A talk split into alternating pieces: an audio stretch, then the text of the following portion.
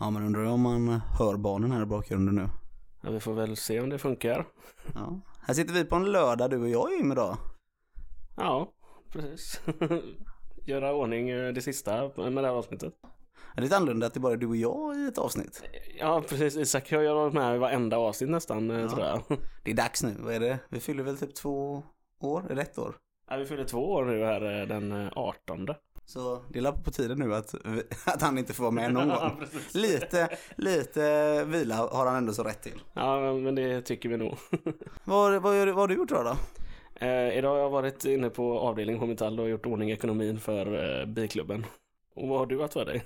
Jag har varit och spelat badminton. Ja, men sådär. Ja, det är någonting som du och jag har börjat med att göra på helgerna. Ja, men det är ändå skoj att hålla på liksom. Ja, men idag var du inte med. Nej, jag behövde ju göra det här jobbet då. Ja, det var tur det. Du skulle sett med mitt dåliga knä vet du. Då, så det, det var inte mitt esse så att säga. Varför, eh, eller vad är det vi ska prata om idag då? Ja, men vi ska prata folkbildning. Ja men precis, det har ju varit lite så, i alla fall här i Göteborg, en liten sån eh, sponsrat inlägg ser jag dyker upp på, på min, eh, min, min sociala mediaplattform ifrån Moderaterna där de går ut och egentligen anklagar ABF för att utbilda valarbetare till Socialdemokraterna. Är det här verkligen tanken med folkbildningen? Ja, det är ju precis vad det är egentligen. Men för att reda ut det här begreppet egentligen, vad är folkbildning och så? Så vi är ju folkbildare, vi har ju en podd liksom, så, så det är ju ändå så hela tanken att vi, vi uppmuntrar hela den här folkbildningstanken. Men för att egentligen gå lite djupare i det här och lite prata om vad är regeringens syn på det hela och varför är det så kulturellt viktigt med eh, folkbildning och hur är målen sätta med folkbildning? Vad är själva grundprincipen? Så kommer vi att åka till Viskadalen. Ja, men precis. Och så ska vi sitta med din chef. Precis, det ska vi göra. Och det vi kommer göra, vi kommer göra det när vi håller Y-linje, våra skolinformatör, eller eran skolinformatör för att säga. Ja, sagt säga. nej, precis. IF Metall eh, Göteborg har ju skolinformation en hel vecka då för alla tvåor brukar det vara. I i år körde vi tvåor och treor eftersom vi inte kunde köra förra året då. Ja, nej men då, då klipper vi dit nu. A big fucking deal. What the fuck are we doing out here? I ask you, what in the fuck are we doing here? So what's the big fucking deal? What the fuck are we doing out here? I ask you, what in the fuck are we doing here? Så, då är vi här på plats på Viskadalen, du och jag Jim. Ja. Jim har ingen mick så att han är lite på, på distans här även om han är med i rummet. Även nu om alla restriktioner har släppt så får Jim befinna sig lite på distans fortfarande. Men vi har också med oss en gäst och vem är du? Eh, Magnus Linder heter jag, är rektor här på Viskadalen. Min chef. Ja.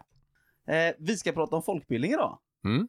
Och då tänkte vi, det har varit en sån här stor debatt som vi har pratat om eh, lite tidigare här i introt, men det har varit en stor debatt här i, i alla fall Göteborg gällande det här med ja, samverkan mellan olika politiska organisationer och studieförbund och även folkbildningen som sådan är ju lite på, på hotad just nu. Mm. Och då, då tänker vi att vi kanske ska börja gå tillbaka lite historiskt. Alltså hur såg det ut för den genomsnittliga arbetaren eller den vanliga personen i samhället om man går bakåt i tiden? Nej, men man kan väl säga att alltså, folkbildningens historia och så att säga, den politiska historien och den fackliga historien, de, de hänger ju intimt samman. Alltså, de är ju så sammanbundna med varandra så de går liksom inte att tänka sig utan varandra. Det var alldeles självklart när, när så att säga, samhället, staten Sverige bildades och de första demokratiska reformerna infördes. Eh, de kom ju redan på 1860-talet egentligen, alltså de första kommunreformerna. Och som ju handlar om att man skulle få människor eh, kunna väljas till att sitta i kommunfullmäktige. I samband med det så, så, så var ju tvungen att folk får lära sig saker och ting. Man var tvungen att lära sig hur man för protokoll, hur man för ett möte, hur man skriver eh, en dagordning, eh, sköta ekonomin. Att kunna sköta alla de här sakerna. I Sverige så eh, hade vi en hög läskunnighet och det gjorde det relativt lätt så att, säga, att, att ta det här steget, att, att införa så att säga, kommunreformen. Men det var ju enormt många människor som skulle komma in i det här systemet. Vi ska ha klart för oss, i Sverige idag har vi ungefär 290 kommuner och vi är vi, snart 11 miljoner invånare. Eh, går vi tillbaks till 1860, ja då är vi 4 miljoner invånare. Alltså mindre än hälften så många. Och vi hade alltså 2800 kommuner. 2800 kommuner. Alltså det, och alla kommuner skulle ha ett eget fullmäktige. Och i alla de här egna fullmäktige skulle det sitta människor som var valda från den lokala kommunen och som skulle sitta med och fatta beslut. Läskunnigheten var stor, vi kunde läsa katekesen. Men var skulle man lära sig att föra protokoll, att föra möten och alla de här sakerna? Och det är i det sammanhanget som folkhögskolan har bildats, som är den första så att säga, fria bildningsorganisationen. Då ska man ha klart för sig att de flesta folkhögskolor de skapas nog lite grann från oben, alltså från, från överheten. Som har tittat på den danska folkhögskolan, som ju var en verklig överhetsfolkhögskola som ju handlade om att bygga dansk identitet. Men när vi genomförde kommunreformerna, då såg man att okej, okay, Danmark har en modell och en tanke som bygger på en utbildning riktad till vuxna människor. Om vi kan föra över den till Sverige och så kan vi stoppa in så att säga att lära sig att ta hand om kommunen, att sköta de kommunala angelägenheterna, så kan vi skapa en utbildningsform för vuxna för demokratin. Så att kopplingen mellan folkhögskola, folkbildning och demokratin, de går liksom inte att skilja från varandra. Det har alltid funnits med. Från i stort sett ska vi säga 1860-talet, när de första folkhögskolorna bildas 1868 fram till 50-60-talet någon gång, så är folkhögskolan den enda utbildningsform som finns för vuxna. Då finns ju inte komvux. Det finns ingen annan. Det är den vägen man tar och det är också den vägen som oftast blir för arbetarklassens barn som inte kunde ta studentexamen att kunna läsa in gymnasiet. Men det blev också så att säga en väg just in och fortsätta att jobba mot kommunen. Alltså man jobbade mot både då att sitta, att jobba politiskt inom kommunen, men också att jobba som tjänsteman inom kommunen. Alltså de, de olika kommunala tjänstemännen utbildades då generellt sett inte på högskola och universitet, utan man kom från folkhögskolan och folkbildningen egentligen in i kommunen. Därför att folkrörelsen och kommunerna var så nära sammanknutna med varandra.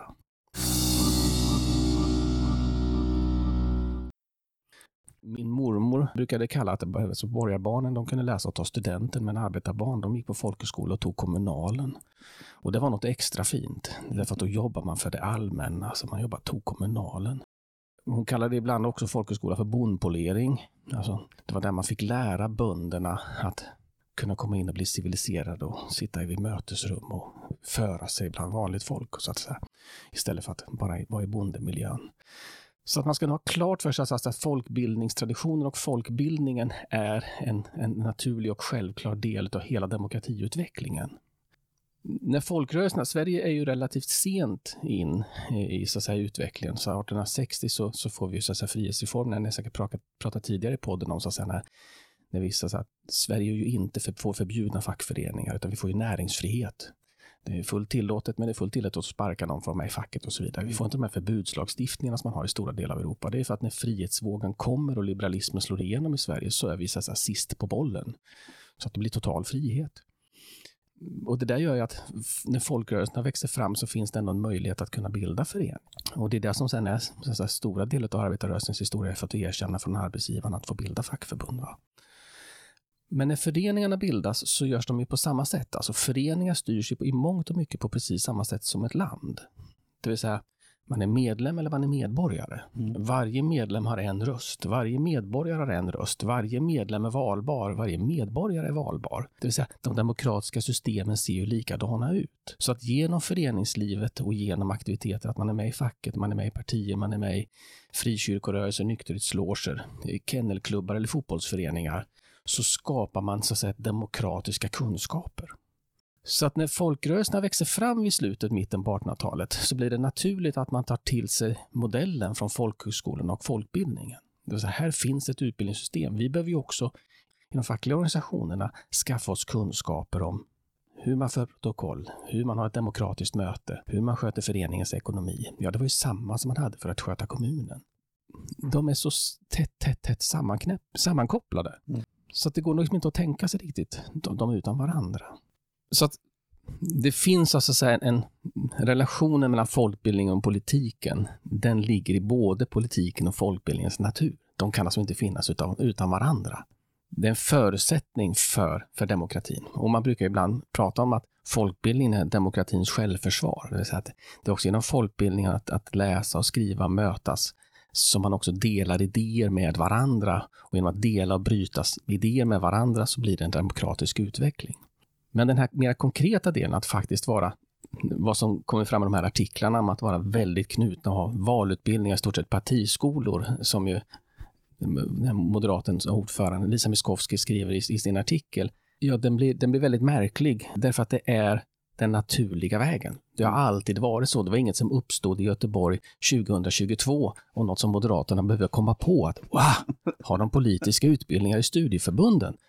Är det verkligen tillåtet? Ja, det var liksom syftet från början. Men däremot var det som så att när folkrörelserna skulle komma in i, i folkbildningen så var det inte självklart, precis som att folkrörelserna inte fick en självklar plats i samhället. Utan det var faktiskt någonting som vi fick slåss för, en rättighet. Man ville inte gärna släppa in så att säga, folkrörelserna i detta efter man såg det som ett hot. Så att den första folkbildningsorganisationen, folkhögskolan som bildas, det är ju Wendelsbergs folkhögskola utan, här utanför Mölnlycke, eller i Mölnlycke, som ju var nykterhetsrörelsens folkhögskola. De var ju först på plan och, och kunde bli den första folkhögskolan. Och det beror ju också mycket på att, att nykterhetsrörelsen var ju den folkrörelse faktiskt som samlade alla andra folkrörelser. Det fanns ju ingen motsättning mellan att vara frikyrklig och nykter, eller att vara inom arbetarrörelsen och nykter. Så att nykterhetsrörelsen får vi nog erkänna var så att säga, den samlande kraften för allt folkrörelsearbete. För idrottsrörelsen, den politiska rörelsen, den fackliga rörelsen och den, den frikyrkliga rörelsen.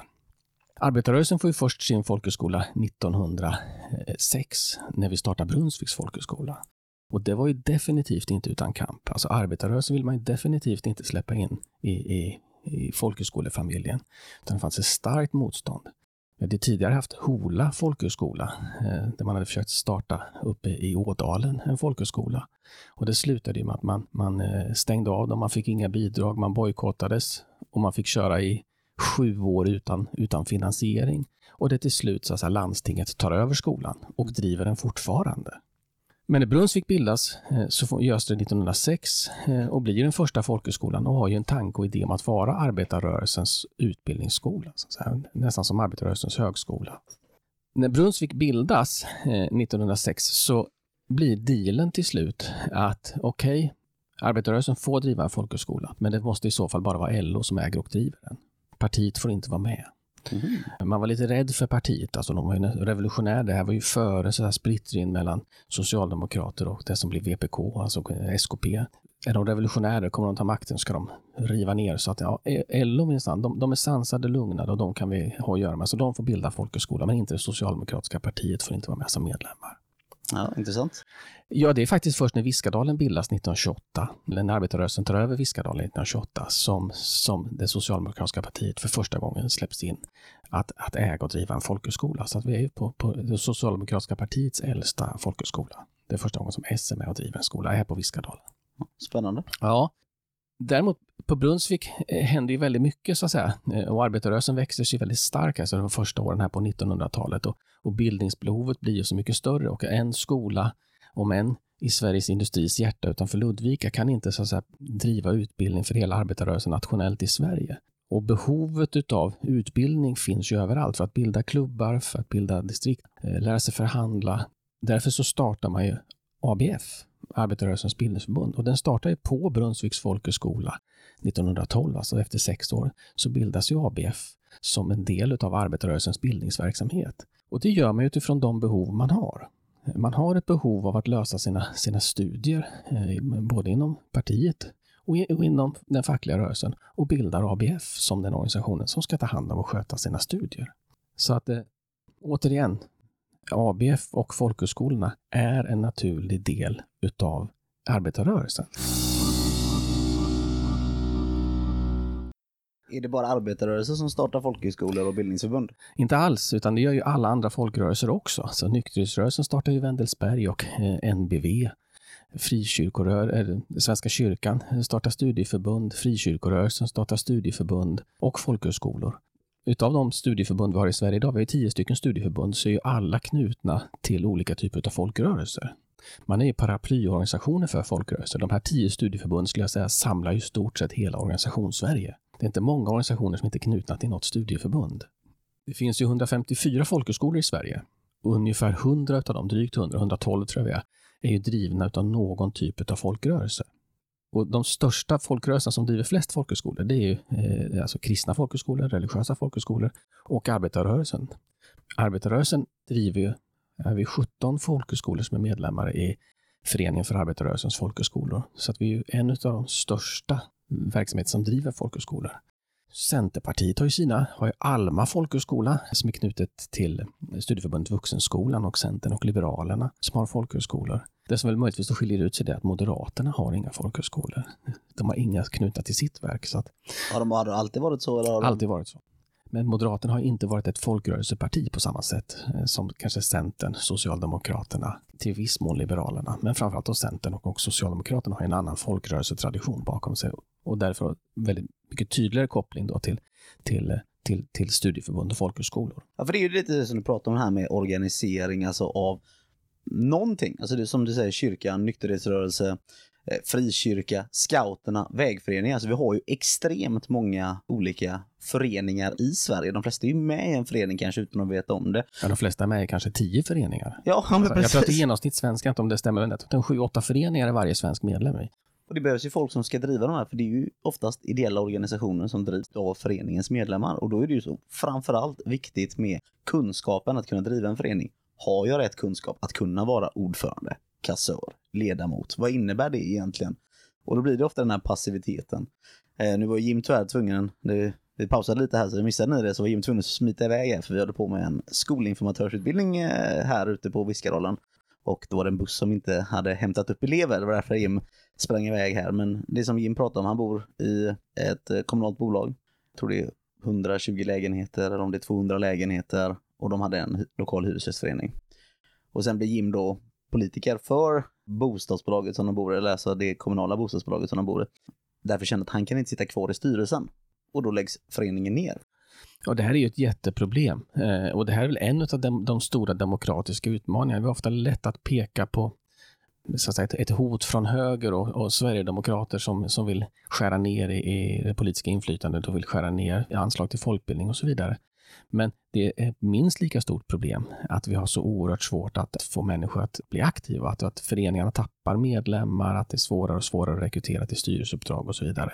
Och en av de orsakerna till det är ju att, det, att den, de fackliga utbildningarna och politiska utbildningar har minskat och, och fortsätter att minska. Och det är därför blir extra allvarligt tycker jag när, när när man går ut på det sättet som Moderaterna gjorde i Göteborg nu eh, och, att, och diskuterar också, ska verkligen folkbildning syssla med politiska frågor och, och med religiösa frågor och idéburen verksamhet? Då får vi verkligen ett hot. Det är för, framförallt i de här organisationerna som har haft mycket av föreningsutbildningen. Alltså många av de som tar över i, i hyresgästföreningar och föräldraföreningar har ju ofta fått sin utbildning genom facket eller genom, eh, inom politiken. Och så går man in och är föreningsaktiv. Det blir ju lite fördummande av svenska folket att vi bara ska med studieförbund hålla på med stickning, lära sig spela gitarr och hålla på med lerkrukor exempelvis. Det är också viktigt därför att det kan också stärka demokratin därför att det skapar ett engagemang, människor sluter sig samman, man diskuterar och pratar. Så att det har också ett, en, en funktion skulle jag säga. Men utan den här mer konkreta föreningsutbildningen, ja då kan du ju inte ta vägen någonstans, då får du ju ingen riktning. Utan det är här som den särskilt fackliga och politiska verksamheten kanske kommer in och som blir oerhört viktig och oerhört central för, för, för demokratin. Jag tänker lite kring begreppet folkbildning liksom och folkhögskola. Va, va, för de som inte riktigt vet vad en folkhögskola är, vad, vad är en folkhögskola egentligen? Vad, vad är poängen med folkhögskolan så att säga idag? Ja, folkhögskolan idag har precis samma poäng som när den bildades. Alltså det är exakt samma saker egentligen. Hela anslaget till folkbildningen finansieras med statliga pengar. Och staten har ju väldigt tydliga mål med vad man vill med folkbildningspolitiken. Eh, och det, det sammanfattas i, i fyra stycken mål. Eller fyra syften sedan, statens syfte med folkbildningen. Och det första syftet är att stärka och utveckla demokratin. Det är folkbildningens huvudsyfte. Vi ska stärka och vi ska utveckla demokratin och se till att få en fungerande demokrati. Att en fungerande demokrati kräver ett, ett bildat och ett kunnigt folk som kan, som kan vara aktiva i samhället. Det andra syftet är att den ska göra det möjligt för människor, för en ökad mångfald av människor, står det, att ta ansvar, inte bara för sitt eget liv, utan också kunna ta ansvar för andra. Att vara med och påverka sitt eget liv och påverka samhällsutvecklingen. Det vill säga det finns ett, ett inskrivet i själva folkbildningen som tanke och idé, men också som så att säga, uppdrag från staten att rusta människor för att förändra sitt eget liv och vardag. Det tredje eh, syftet, det, det handlar om att minska klyftorna i samhället. Det vill säga vi ska minska kunskapsklyftorna och vi ska minska bildningsklyftorna och vi ska minska utbildningsklyftorna. Det vill säga att göra, skapa ett mer jämlikt och ett bättre samhälle av, av där det klyftorna krymper. Och det fjärde och det, det, det sista syftet, eh, det handlar om att, att göra kulturen delaktig till alla. Att kulturen och kulturlivet får inte vara en del för en liten grupp av människor. Den ska vara tillgänglig både som utövare och konsument för hela svenska folket. Alltså. Så att, att utjämna de kulturella klyftorna. Och det här är de fyra syften som staten sedan 1991 har de sett ut ungefär likadant. Så att säga. Det är det här som är syftet med, med folkbildning. Det är därför vi lägger pengar på folkbildning. Att ifrågasätta demokrati, att folkbildning ska syssla med demokrati, utbildningar, att eh, vara valutbildningar. Det, det blir en väldigt märklig, märklig hållning utifrån vad som är syftet med folkbildningen. Men vi ser det från väldigt många håll just nu. En, en, en rädsla för att ska folkbildningen verkligen syssla med detta? Det finns ju dels det som har hänt i Göteborg, eller den artikeln som, som, som Miskovsky skrev så att säga, och ifrågasatte och som vi fick stöd eh, från lite olika håll. Det är inte bara ABF som sysslar med politiska utbildningar, det gör även eh, Studieförbundet Vuxenskolan minsann. Mm. Så, det, det, visar på ett, ett, problem att vi inte riktigt kan alltid kanske ha förklarat vad folkbildningen är och vad syftet med folkbildningen är. Därför att folkbildningen har de sista eller från 60-talet och framåt kan vi säga, tagit på sig väldigt mycket andra uppgifter. Vi har också tagit på oss uppgiften där, där säga, utbildningsklyftan kanske har blivit den viktigaste. Att, att utbilda, att vara en andra chans för vuxna människor att kunna läsa in ett gymnasium, att kunna läsa en yrkesutbildning. Och efter de stora invandringsvågorna har vi också tagit ett stort ansvar för integrationsutbildningar, för språkutbildningar, för arbetsmarknadsutbildningar, för att få in människor på arbetsmarknaden. Det ska vi också göra, eh, därför att folkhögskolan var ju så att säga egentligen den enda då fram till, till 50-60-talet som hade möjligheten att utbilda vuxna människor. Det blev en självklarhet att vi är en del av den. Men det är inte det enda uppdraget. Det är ett, eller en, en del utav ett utav, utav fyra syften med folkbildningen. Och vi kanske ibland har tappat så att säga det här med demokrati, att göra det möjligt för en ökad mångfald av människor att påverka sin livssituation. Den delen av folkbildningen har nog så att säga, lite grann fallit tillbaka, i alla fall i debatten. Eh, och då kan sådana här konstigheter uppstå som, va, sysslar de med det också? Vi ser det likadant i Västra Götalandsregionen, där det finns förslag om att inte eh, ge ut bidrag för korta kurser. Man säger att vi ska bara ge bidrag till, till långa kurser, alltså kurser som är längre än 15 veckor och, och vi ska ge ännu mer bidrag till kurser som leder till en gymnasieexamen. Ja, det är ett sätt att styra verksamheten bort ifrån demokratiutbildningar. Därför att det man gör tillsammans med sina folkrörelser, det är ju generellt sett korta kurser, eller framförallt korta kurser. Det är där så att säga, föreningsutbildningarna ligger, oavsett om det är för arbetarrörelsen, frikyrkorörelsen, nykterhetsrörelsen eller kvinnorörelsen, som ju nu driver en folkhögskola i Göteborg till exempel är den typen av utbildningar som ligger i korta kurser och som Västra Götalandsregionen just nu har förslag om att, att ta bort bidraget för kortkursverksamhet. Och det beror ju på att man då vill gynna utbildningsklyftan. Så att pengarna ska användas dit och ett sätt att försöka styra så att säga, folkbildningen mot att jobba mer med utbildningsklyftan, mindre med demokrati. Ja. Och det är ett farligt sätt att arbeta. Jag var inne och kollade på en stiftelse i, vad heter det, igår faktiskt. Satt hemma på soffan och gjorde. Och då ser jag på, på internet här så kollar jag vilka sitter i styrelsen liksom. Hur, hur tillsätts den här styrelsen? Blev jag lite intresserad av. Och så kollade jag och så stod det så här. Ja, den var bankchef, den var eh, rektor på Chalmers, den var... Men sen så såg jag bara en person. Styrelseproffs. Läser jag ut. Eh, och jag tänkte det var en intressant arbetsbeskrivning att vara styrelseproffs som i sitt yrkesutövande. Men det är klart att det är ju där man kommer landa om vanligt folk inte får den möjligheten eller den kompetensen så att de ska också ska kunna ta uppdrag i en stiftelsestyrelse, en förening eller en vägförening för man känner att man har inte den kompetensen. Ja, eller som den stora trenden idag där man överlåter till företag att sköta det här åt oss. Mm. Alltså, eh, alltså, varför ska jag vara med i facket? Jag kan anlita en egen juristfirma. Alltså, det är den anglosaxiska traditionen. Alltså, det är ett sätt att individualistiskt lösa detta. Inte som en folkrörelse genom att gemensamt tillsammans med sina kamrater arbeta för att förändra världen. Jag kan köpa den tjänsten utav någon. Alltså, man flyttar så att säga, kollektiva beslut till individuella. Det är en jättestark sån trend. Eh, varför ska jag vara med i Hem och skola? Jag kan väl överklaga till skolans styrelse alldeles själv. Det vill säga, i, me and myself istället för den kollektiva kraften. Där finns en väldigt stark trend i, i samhället, alltså 30 år tillbaka i tiden egentligen. Då. Eh, men jag tror också att, att eh, när korta kurser, det är till exempel det som, eh, som Jim sprang iväg på nu. Vi sitter ju på Viskadalen just nu. Vi har mängder med korta kurser. Just nu idag så är det en, en utbildning på Viskadalen som handlar om att ge facklig information till de som går på yrkeslinjerna tillsammans med IF Metall. En oerhört viktig utbildning en dag Eh, för att få en information om varför man ska gå med i facket, vad facket handlar om, vad kollektivavtalet betyder för någonting. så att man sen kan få ett yrkesliv och kunna komma in i de fackliga organisationerna.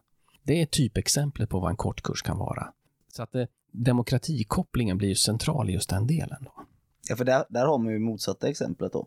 Ja, men varför ska facket bara hålla på med information för det? Och det är ju inte så. I det här fallet så har ju näringslivet, de har ju för, för samma elever ofta UF-företag där man får starta eget företag. Ja, de, det är till och med en hel del gymnasieutbildningar som har skrivit in det i sina, i sina läroplaner, att de ska jobba med UF-företag. Mm. Så att de kan till och med lyfta in det i läroplanen. Så att det är klart att det finns en, en mängd information från arbetsgivarsidan. Och det måste också finnas från den fackliga sidan och det kan man göra genom sina folkhögskolor. Alla folkhögskolor i Sverige är ju, så som vi pratade om förut, så att säga, de är ju ideella föreningar. Eh, De som är drivs av folkrörelser. Sen finns det då 40 stycken som jag sa, de drivs fortfarande av regioner. Det är Alltså det, de är regionala folkhögskolor. Men de som drivs av föreningslivet och av folkrörelser, det är ju alla demokratiska organisationer, ideella föreningar, icke vinstdrivande. Oftast en ideell förening eller en ekonomisk förening eller en stiftelseform. Så, och så har det varit hela tiden. Men på folkhögskolan så kan man ju då läsa både alltså så här, de här korta kurserna. Eh, du kan också läsa yrkesutbildningar. Eh, här på Viskadalen så har vi valt att satsa på välfärdsutbildningar. Vi har ju något vi kallar för Centrum för välfärd. Det ligger i skolans profil. Vi ägs och drivs av arbetarrörelsen i Västsverige. Och då utbildar vi här socialpedagoger, vi utbildar undersköterskor och vi har en utbildning för de som vill komma in på en polis, polisutbildning, alltså en preparandutbildning för Polishögskolan. Det är de tre yrkesutbildningarna vi har. Och vi har allmän kurs på distans. Att ha en allmän kurs förlagd här i Seglåra har visat sig vara svårt, men på distans går det väldigt, väldigt bra. Så att det, är, Eh, det är en rätt så stor allmän kurs vi har just nu. Så att, säga. Så att folkhögskolan kan ju vara ett sätt både för att läsa in gymnasiet, för att eh, skaffa sig en yrkesutbildning, för att läsa in grundskolan och det kan också vara så att säga, de här fackliga politiska kurserna. Och alla de här delarna tillsammans är det som utgör egentligen folkhögskolan som, som, som en grund. Så att säga. Hur skiljer det sig här mot exempelvis om man pratar folkhögskola mot traditionell komvux? Alltså jag har själv läst komvux, det var ju ganska så nyligen till och med. Det var något år sedan. För jag minns ju när man gick i gymnasiet, då gick man till eh, skolan, man fick hjälp av läraren och sen så var det liksom det som var utbildningen och sen var det klart där. Medan när man kom på komvux då var det välkommen på din timmes lektion, du har de här 40 sidorna till nästa vecka, kör. Hur skiljer sig folkhögskolan där? Ja, dels har vi eh, 100 års erfarenhet till. Så att säga, komvux startade 1965 när Palme var utbildningsminister, som, som ju låg bakom hela komvuxreformen. Och då hade folkhögskolan hållit på i 100 år. Men i folkhögskolan så fanns det redan från början eh, i tanken och idén om att skapa en utbildningsform riktad till vuxna. Och det var väl det man tog från den danska folkhögskolan. Det var en dansk präst som startade den första folkhögskolan som hette Grundtvig. Och han pratade väldigt mycket om att vi måste ha en utbildningsform och en kunskapssyn som bygger på att vuxna människor möts i ögonhöjd och, och samtalar om allvarliga ting. Man pratar om, om, om viktiga frågor och man utgår från att vuxna människor har egna erfarenheter, egna tankar. Och ska man lära sig någonting nytt som vuxen, ja då måste man så att säga koppla kunskapen till att de faktiskt har det. Du kan inte förvandla vuxna människor till barn. För nästan all utbildning som fanns före folkhögskolan och i hela eh, pedagogen, vad man gör i pedagogiska utbildningar då, handlar väldigt mycket om barn och barns utveckling och hur barn lär och en utvecklingskurva. Medan folkhögskolan har ju hela tiden jobbat just med tanken på att det är faktiskt vuxna människor. Vuxna människor som i vanliga fall är fullt kapabla att eh, planera sin en semesterresa, kunna komma upp och klä på sig, borsta tänderna och gå till jobbet, eh, sköta ett liv.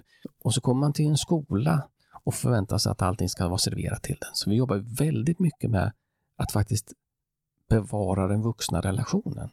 Alla människor på folkhögskolan har ju så att säga, det finns lärare, det finns ett kök, det finns en administration, det finns städ, det finns deltagare. Alla människor på folkhögskolan är vuxna, men man har lite olika roller här. Och det där gör ju så att, säga, att, att kunna mötas i ögonhöjd, att det kanske är det som är den mest centrala delen. Men det är också så att folkhögskolan är unik på det sättet att det finns så att säga, 154 folkhögskolor och det finns ingen högre makt än skolans styrelse. Det är skolans styrelse som bestämmer vilka kurser vi ska ha, och hur de ska se ut. Vi har inga så att säga, centrala läroplaner, utan det är upp till varje folkhögskola att bestämma. Om vi vill ha en facklig introduktionsutbildning tillsammans med IF Metall, ja då kan vi göra det. Då tar vi fram en, en kursplan tillsammans med IF Metall. Om vi vill ha en socialpedagogutbildning, en tvåårig eftergymnasial utbildning, ja då gör vi det tillsammans med branschen, de som finns runt omkring oss och det är lärarlaget här på skolan som tar fram den läroplanen, utifrån också utvärderingar med deltagarna. Det finns till och med inskrivet i vårt, vårt regelverk att, att deltagarna ska ha ett avgörande inflytande över utbildningen. Det är inte så att de ska ha makten över den, för den, den har skolan och skolans styrelse. Men man ska ha ett inflytande och kunna påverka den. Det gjordes en utredning, eh, den börjar bli lite gammal nu, men det gjordes en utredning, det är snart 30 år sedan. Man skulle försöka ta reda på varför lyckas folkhögskolan så bra? Alltså det visar sig gång på gång i utvärdering efter utvärdering att man lyckades otroligt bra med att få grupper att avsluta utbildningar. Folk som stod långt från arbetsmarknaden kom in på arbetsmarknaden. Och framförallt så var deltagarna som gick på folkhögskola så ofantligt nöjda efter att de hade gått där. Så då tillsatte man en utredning och skulle ta reda på vad är det som förenar de här 100, då var det väl 130 folkhögskolor. Vad är det som förenar de här och, och som, som, som gör det? Att, att man lyckas så väl. Man visste inte det, för det, det finns liksom ingen bra statistik på detta, mer än att man lyckas. Det här gick uppdraget, så intervjuade man hundratals deltagare, folkhögskollärare, deltagare, före detta deltagare. Och man gick fullkomligt bet. Man kunde inte hitta vad det var för någonting. Det visade sig att det var inte den magiska grupppedagogiken, att man jobbade mycket i grupper, pratade med varandra, att man såg som vuxen som man gärna hade velat trott. Eh, eh, det, det fanns skolor som hade jättestora klasser. Det fanns de som hade jättesmå klasser. Det fanns skolor som hade väldigt strikta styrda läroplaner. Det fanns skolor där man i stort sett uppfann läroplanen när man kom till skolan första dagen. Det var, det var en total variation. Det fanns liksom inga likheter. Ja, det fanns likheter mellan, men det fanns ingenting som också kunde man hitta som minsta gemensamma nämnare. Det här har alla. Alla har grupparbeten, eller alla har föreläsningar. Och det var då man kom på det. Det är det som är det som förenar folkhögskolorna. Det finns inte två likadana. Och det finns inte två likadana över tid. Utan folkbildning handlar enormt mycket om att den ska formas i den läget som finns just nu. Med den lärargruppen som finns här, med den ägarkonstruktionen, med den här styrelsen, utifrån det här intresset, med de här deltagarna. Det är det som formar utbildningen. Och det kan se väldigt, väldigt olika ut. Men där fanns det unika. Det vill säga den stora grad av frihet som finns inom folkbildningen. Att den inte är styrd utan den kan påverkas utav hur är läget just nu? Vad är viktigt just nu? Det kan så att säga skapa utbildningen. Titta bara, jag har jobbat med fackliga utbildningar i ja, snart 25, mer än 25 år. Eh, de ser inte likadana ut nu som de gjorde för 25 år sedan, eller för 10 år sedan, eller 5 år sedan. Och det beror ju på att behoven har förändrats, de fackliga organisationerna har förändrats, deltagarna har förändrats och då kan vi hela tiden göra efter den förändringen. Vi behöver inte gå upp till Skolöverstyrelsen och det ska komma en ny läroplan som ska tala om vad vi ska göra för någonting, utan vi anpassar hela tiden verksamheten efter den verkligheten och de deltagare och de lärare som vi har just nu. Vad är tipset då till folk som, är det, är det folkhögskolan man ska, du tycker man ska gå då om man känner att jag är, jag är ifrån många betyg från att ha gymnasieexamen. Är det mer värt att gå folkhögskola eller är det mer värt att satsa på komvux? Jag tycker alltid folkhögskola är mer värt än någonting annat. Alltså, kanske var en lite riktad fråga. Men det beror väl på, tänker jag. Alltså har man ett eller två betyg kvar, alltså nu för tiden så är det så att de flesta som inte har läst gymnasiet idag, de har ju inte som så att jag hoppade av efter ettan och var allting godkänt i ettan, utan generellt sett så ser betygen ut som schweizerostar, det vill säga det är hål här och där. Eh, ja, har man ett eller två ämnen man ska läsa upp, då är det kanske klokare att läsa det på komvux, alltså inom den kommunala vuxenutbildningen. Därför att den är kanske snabbare och effektivare. Om det är det man är ute efter, alltså en snabb effektiv väg till en examen. Vill man däremot säga att jag vill gå en utbildning och lära mig så mycket mer, jag är ute efter bildning och kunskap, inte bara för ett papper och betyg, då tycker jag definitivt man ska läsa på folkhögskola. Och inte minst att man läser så att säga, både de allmänna kurserna och gymnasieutbildningar. Och kanske framför allt också att, att se till att gå fackliga utbildningar och politiska utbildningar. Växa som människa, det kanske man inte får ett intyg på som, som man kan få jobb på, men man, man kan förändra världen. Och det är någonstans det som är, är huvudsyftet. Jag ställer frågan lite riktad just för att jag vet ju med mig att det är många, ja, speciellt från den tidigare industrin där jag har varit, men även från andra branscher där man står kanske och stampar på arbetsplatsen för att man orkar inte ta tag i, ja men som du säger, man har sitt schweizerostbetyg i grunden och då är ju egentligen folkhögskolan ett perfekt komplement för dig som vill något mer. Ja, absolut, det är det ju. Och det var det uppdraget vi haft under hela 1900-talet egentligen. Det vill säga att, att ge en andra chans till vuxna människor som behöver en, en, en ny start i livet. Just nu har vi väldigt mycket utbildning för arbetslösa på folkhögskolan, med studiemotiverande folkhögskolekurser där man faktiskt har en chans att under 13 veckor prova på att gå på folkhögskola utan några större krav. Och det gäller för alla som är inskrivna på Arbetsförmedlingen att man får gå den här då med bibehållen a-kassa. Inte behöva dra på sig studiemedel eller något sånt. Och väljer man sen att läsa, läsa in gymnasiet så finns det ju väldigt bra så att säga, förutsättningar för det. Men också att läsa in en yrkesutbildning och det är det som växer väldigt mycket just nu på folkhögskolor, både här på Viskadalen och på nästan alla folkhögskolor i hela Sverige. Men vi startade en undersköterskeutbildning förra året som ju vi vet leder till med 100% säkerhet till jobb till alla som blir godkända. Vi har en socialpedagogutbildning för de som vill jobba inom, inom den sociala sektorn. Där har vi varje år, alltså 95-98 procent, får jobb inom sin sektor. Men också för gymnasiet som du säger. Där finns det hur mycket som helst. Eh, och det finns ju på, det är den enda kurs som måste finnas på alla folkhögskolor så att man ska kunna läsa in gymnasiet. Men även grundskolan. Eh, den möjligheten finns ju också för den som har schweizerosthål redan i sin grundskolebetyg så kan vi läsa in dem också. Ja, nej men jag tror jag vi får säga tack här. Oerhört intressant. Tackar! Det är jättekul att få vara med och prata med podden. Jag har ju lyssnat på den tidigare så att eh, nu får vi lyssna på detta också. Ja, du får gärna vara med igen. Ja. Nu tillbaka till studion. Tack och hej! Så, tack och det Jim och Sebastian på fältet. Och nu är jag tillbaka till mig och Jim i våran annorlunda studio här. Ja, här är Haga precis. Ja, eh, ja vad, vad kände du om det här när du hörde detta då? Eh, nej men det var väl intressant, alltså det var väldigt intressant. Eh, det var ju, alltså så här, jag förväntade mig inte att lära mig så mycket som jag gjorde faktiskt under det här samtalet.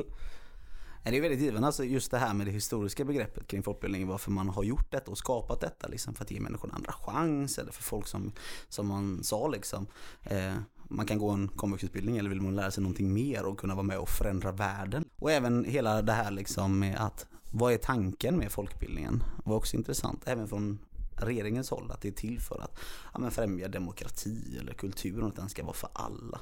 Så det var väldigt, väldigt givande. Ja, men alltså historien var ju väldigt intressant att man inte, alltså att man inte hade rätten ens att utbilda sig innan liksom. Ja, ja men precis. Alltså det var ju alltid liksom ett, ett, ett mål för alla att man ska ha liksom för sina barn lika utbildningar åt alla men det blev- var ju i slutändan så att man inte hade det egentligen i Sverige. Det var ju de rika som kunde utbilda sina barn och det här var ju ett sätt för oss när man kanske inte tog studenten på det sättet utan man tog som Magnus sa kommunalen. Det vill säga att man gick folkhögskolelinjen och att det också gjorde att vi fick det tajta samarbetet mellan liksom kommunen och politikerna, alltså de politiska tjänstemännen. Så antingen gick man i folkhögskola för att bli politiker eller så gick man i folkhögskola för att bli politisk tjänsteman exempelvis. Vilket gör att man fick det här sajta samarbetet. Och det är kanske det som gjorde att man hade en sån ja, rött styre i Sverige under så många år där vi ändå så byggde upp hela folkhemmet. Och... Ja, men ska vi säga att det här var dagens eller vad säger du? Ja, jag tycker vi rundar av och så ja, tar vi och käkar lunch eller något eller? Ja, glöm inte att följa oss på sociala medier och om det är så att ni vill höra av oss till oss. Nu är Isak inte här så nu kan vi säga det är Isak som svarar på meddelanden. Så bara fortsätt att skriva. Isak älskar att svara på alla meddelanden. Ehm, men det är ju fuckyoupodcast.gmail.com som man kan mejla oss eller så kan man skriva till oss på våra sociala mediekonton där vi heter at fuckyoupodcast egentligen. Och glöm inte att bli medlemmar. Hur blir man medlem Jim? Kan du det numret i huvudet nu? Jag kan fortfarande inte numret i huvudet. står på våran eh, sida som vi har som är fuckyoupodcast ett ord, punkt, podbean.com. Ja, finns också i beskrivningen till eh, avsnittet. Ha det fint! Ha det gött!